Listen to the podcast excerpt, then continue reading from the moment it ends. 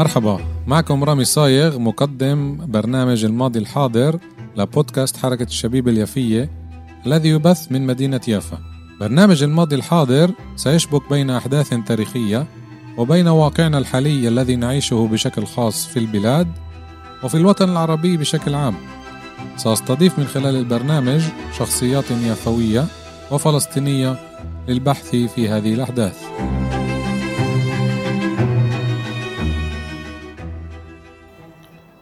تحياتي مستمعاتنا ومستمعين الكرام من جميع أنحاء العالم. حلقة جديدة من برنامج الماضي الحاضر. اليوم مثل ما وعدتكم الجزء الثالث من الحلقة اللي بديتها قبل أسبوعين أو أكثر تحت عنوان الكرة العربية الفلسطينية المندثرة قبل عام 1948 بالحلقتين اللي سبقوا ذكرت كتير آه، معلومات عن أسباب آه، تحويل الأراضي الفلسطينية للشركات آه، والمؤسسات الصهيونية عن تقاعس وتواطؤ الاحتلال العثماني والبريطاني وطبعا عن كل الصفقات الغير شرعية واللي آه، طردت من فلسطين الآلاف بل أكثر من الآلاف من أهالي قرى فلسطين بشتى بقاع الوطن. آه، الحلقات كانت لتجديد تاريخنا اللي نأمل إنه ما يكونش مندثر مثل القرى اللي اندثرت قبل النكبة. حبيت أشدد على الفترة ما قبل آه، الاحتلال البريطاني لأنه كتير منا بيجهل هاي الفترة.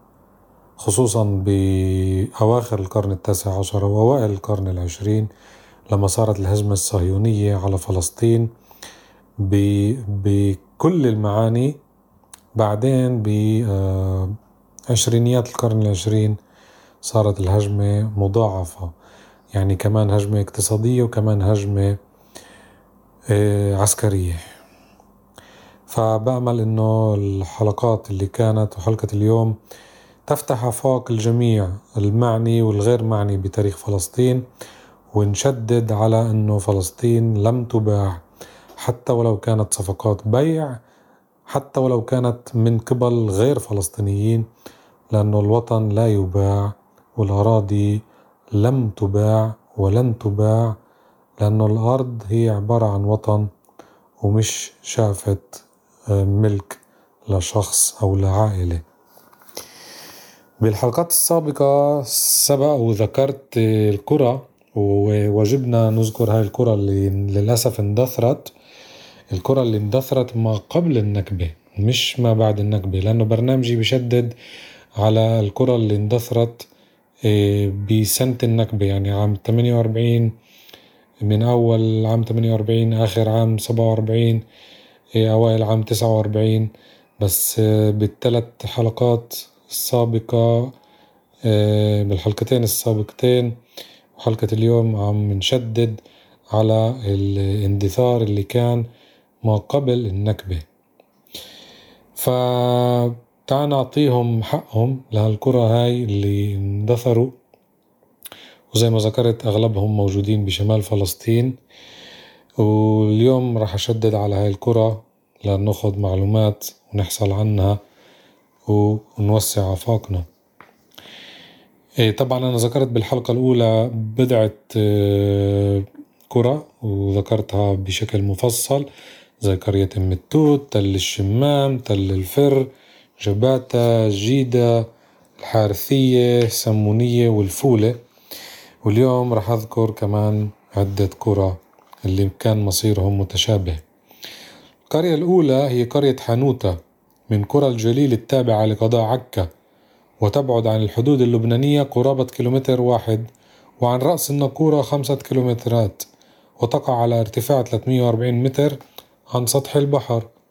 ومساحة أراضيها كانت 3991 دنما وكان عدد سكانها من العرب الفلسطينيين طبعا فقط 62 نسمة عام 1928 وقد تم ابتلاع أراضي القرية والقرية نفسها بعد تأسيس كيبوتس حانيتا قرب القرية العربية الفلسطينية عام 1938 إذ أخذ أخذ يتسع وتزداد مساحة أراضيه الكيبوتس يعني على حساب أراضي حنوتة حتى حل الكيبوتس محل القرية العربية الفلسطينية التي أزيلت من الوجود وغادرها قسريا سكانها العرب الفلسطينيين.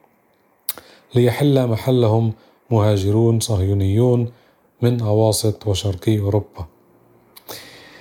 يعني آه، سنة 38 بطل إلها وجود لقرية حنوتة. القرية اللي بعدها هي قرية حوارة من قرى طول كرم وهي غير حوارة نابلس. وتقع جنوبي غرب طول كرم في أراضي سهلية ارتفاعها نحو 30 مترا عن سطح البحر. وكان معظم سكانها العرب يعملون في الزراعة. وقد دمر الصهيونيون حوارة بعد طرد سكانها منها وأقاموا على أراضيها مستعمرة إيه، هنا في غلطة مطبعية إيه، لأنه اللغة العربية إيه، بتوصف الاسم العبري فعلى أغلب في غلطة مطبعية. بس المهم نعرف إنه كانت قرية حوارة غير حوارة نابلس اللي تم الاحتلال هاي القرية وطرد سكانها وتدمير هاي القرية وبناء مستعمرة صهيونية على أراضي القرية. القرية اللي بعدها هي خان الدوير. تقع شمالي شرق صفد في أقصى الطرف الشمالي الشرقي لفلسطين عند الحدود السورية. وقد نشأت هذه القرية على نهر العسل أحد روافد نهر بنياس وأقيمت على ارتفاع 200 متر عن سطح البحر عند تل القاضي واكتسب موقعها أهمية منذ القديم فكانت محطة على طريق القوافل التجارية بين جنوب سوريا وكل من لبنان وفلسطين وقد قامت في ظاهرها مدينة لاش الكنعانية. بلغ عدد سكان القرية العربية الفلسطينية عام 1938 155 نسمة. كانوا يقيمون في 29 بيتا من الطين والحجر البازلتي الأسود زي ببيسان وبطبرية. وتربة خان الدوير خصبة تجود فيها زراعة القمح. في عام 1939 أقام الصهيونيون القادمون من رومانيا كيبوتس في ظاهر هذه القرية العربية الفلسطينية وسموه كيبوتس دان بعد أن طردوا السكان العرب من بيوتهم. وقد بلغ عدد سكان الكيبوتس عام 1960 500 نسمة وطبعا أكيد اليوم الكيبوتس بيكون أكبر وعدد سكانه أكتر القرية اللي بعدها معروفة ومشهورة هي قرية زمارين بالسهل الساحلي. هي قرية عربية أخرى فلسطينية من قرى قضاء حيفا. تقع على بعد 35 كيلومتر جنوبي حيفا فوق تل ارتفاعه 170 متر عن سطح البحر. وقد باع الإقطاعيون زمارين للصهيونيين الذين أسسوا سكانها عام 1882 ميلادي مستعمرة حملت الاسم العربي في البداية ثم دعيت زخرون يعقوب فيما بعد وتعد من أقدم المستوطنات الصهيونية في فلسطين. كان عدد سكان زمارين العربية الفلسطينية 250 نسمة. بقي معظمهم في بيوتهم وقدر عددهم بنحو 23% من مجموع السكان الذين بلغوا 1302 نسمة عام 1922 ولكن نسبتهم إلى السكان الصهيونيين تراجعت عام 1927 إلى 22% من مجموع سكان قدره 1600 نسمة. وما جاء عام 1945 حتى خلت زمارين من سكانها العرب الفلسطينيين بسبب الضغط الصهيوني وقد قدر عدد سكانها الصهيونيين عام 1970 بنحو 4480 نسمة. يعني تشوفوا تدريجيا كيف كانت قرية عربية فلسطينية.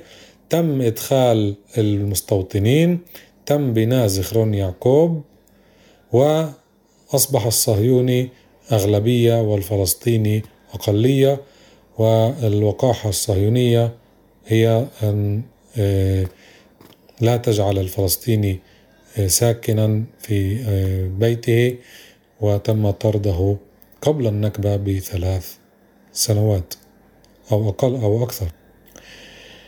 القرية اللي بعدها هي قرية شفية. كانت شفية قرية عربية فلسطينية يعيش فيها عام 1922 81 عربيا فلسطينيا. يعملون في الزراعة وتربية المواشي في القسم الغربي من جبل الكرمل. وقد أنشئت القرية على علوة ارتفاعها 105 أمتار عن سطح البحر. على بعد 35 كيلومتر جنوب مدينة حيفا. وقد باع الإقطاعيون أراضيها للصهيونيين الذين أسسوا شماليها مشاف مئير شافيا بين عامي 1890 و 1892 وظل السكان العرب الفلسطينيين في شافيا ومئير شافيا وبلغ عددهم أربعون من أصل 308 هم مجموع السكان في تلك السنة. وفي عام 1945 لم يبقى فيها أي عربي فلسطيني.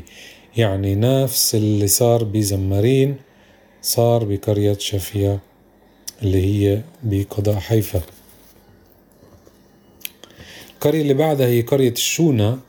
من قرى قضاء حيفا أنشئت على بعد 39 كيلومتر جنوب مدينة حيفا في القسم الغربي من جبل الكرمل وكان في الشونة 66 نسمة من العرب الفلسطينيين عام 1922 ولكنهم ضموا عام 1931 ضموا إلى سكان زمارين القرية منها القريبة منها والمرتبط مصيرها بها.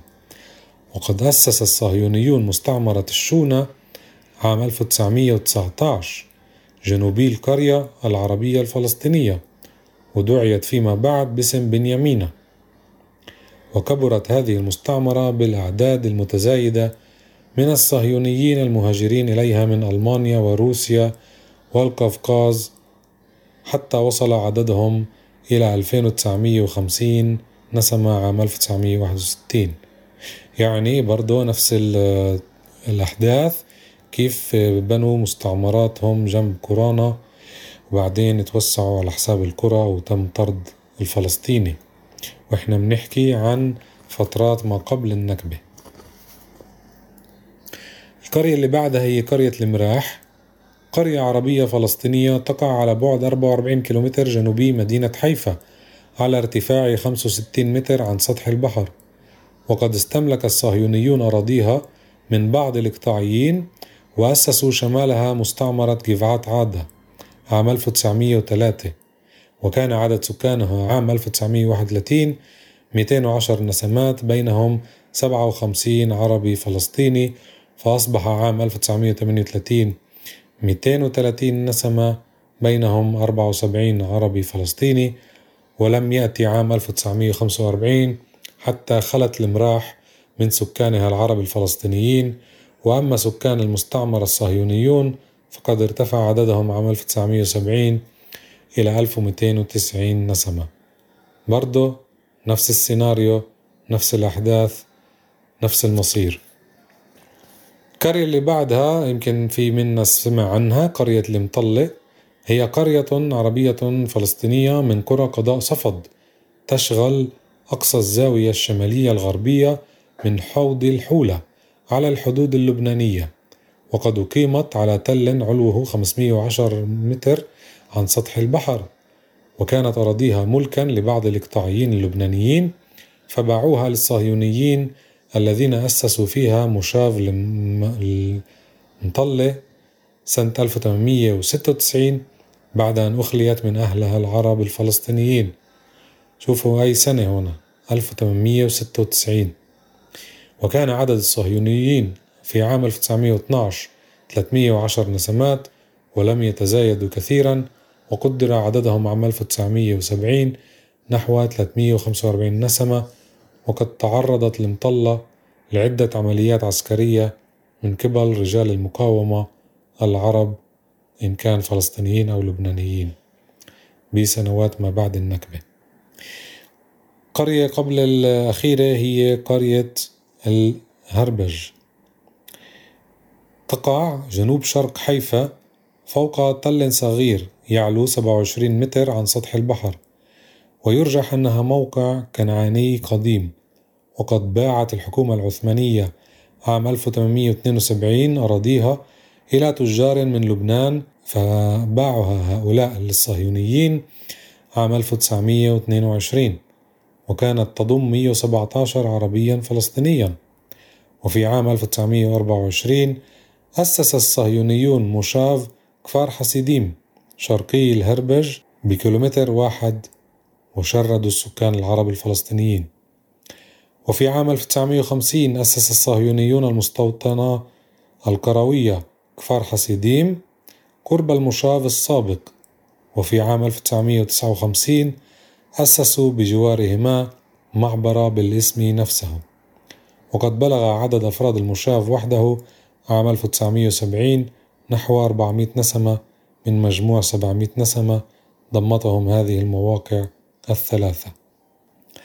القرية الأخيرة اللي آه، انسلبت وتم تهجير أهلها من قبل الصهيونيون ما قبل النكبة آه، هي وادي القباني من قرى قضاء الكرم وتقع شمال غرب الكرم في أرض سهلية تعلو 27 متر عن سطح البحر وقد بلغت مساحة أراضيها 9812 دنما.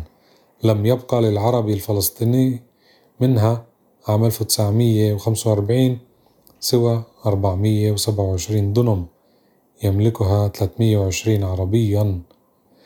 اشترى الصهيونيون أراضي القرية من عائلة إقطاعية لبنانية وأسسوا فيها عام 1933 موشاف كفار حييم وكيبوتس مشمار شارون قربه وقد بلغ عدد سكان الموشاف والكيبوتس عام 1970 نحو 730 نسمة معظمهم من الصهيونيين المهاجرين من روسيا وبولونيا.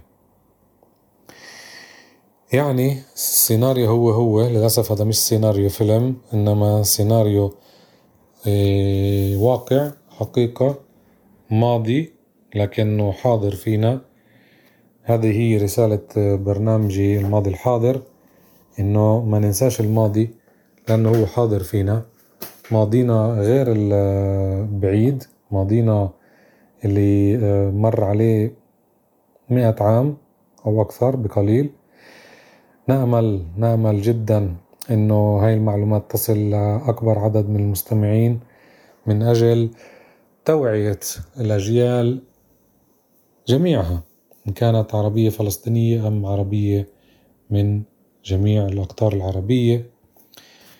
كانت هذه آه، ولو نبذة عن هاي الكرة اللي تستحق طبعا أكتر للتعمق بتاريخها لأنها مش كرة آه، انبنت قبل عشرات السنوات إنما كرة قبل مئات بل آلاف السنوات وحقها إنه يتم ذكرها ولو على الأقل بحلقة أو حلقتين. شكرا لحسن استماعكم. بأمل إنه الثلاث أجزاء كانت مفيدة. إحنا دايما بنتابع آه، كل ردود فعلكم بنتابع آه، كل التفاعلات بنتابع آه، من خلال تطبيقاتنا. جميع المعطيات. إحنا بسرنا إنه بودكاست حركة الشبيبة اليافية وصل تقريبا كل بقاع العالم. مستمعينا العرب ومستمعينا العرب الفلسطينيين بالشتات نوجه لكم كل التحيات. بشكر طاقم البودكاست وطبعا بشكر زميلتي ابنة يافا الكاتبة والناشطة الرائعة رشا بركات على مجهودها الكبير بإنجاح هذا المشروع بودكاست حركة شبيب اليافية كل يوم تنين وخميس. كل يوم تنين عنا برنامج صالون رشا. وكل آه، آه، خميس مرة بالشهر عنا برنامج ثنائي برنامج دردشة اللي فيه نطرح مواضيع اجتماعية ووطنية. وطبعا زي ما ذكرت في برنامج جديد لزميلتنا رشا الأسبوع القادم.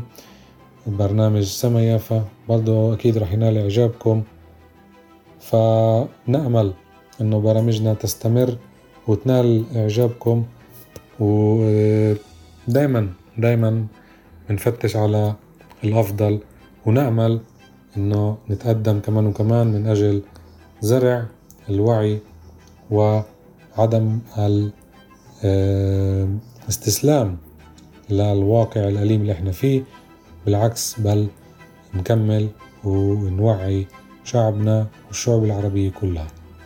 دائما تسمعونا على التطبيقات الأربعة Spotify Podbean Apple Cast و Google Cast وإحنا متواجدين كمان على صفحة الفيسبوك حركة الشباب اللي فيه كمان الصفحة هاي كتير ناشطة وفيها معلومات رح تعجبكم أكيد. وفي عنا طبعا صفحة بودكاست حركة الشباب اللي فيه بأمل التفاعل يستمر ويزيد وإحنا دائما نأمل ازدياد كبير من قبل مستمعينا من جميع أنحاء العالم. نوجه لكم أحلى التحيات وإلى اللقاء بالحلقة القادمة. والله معكم.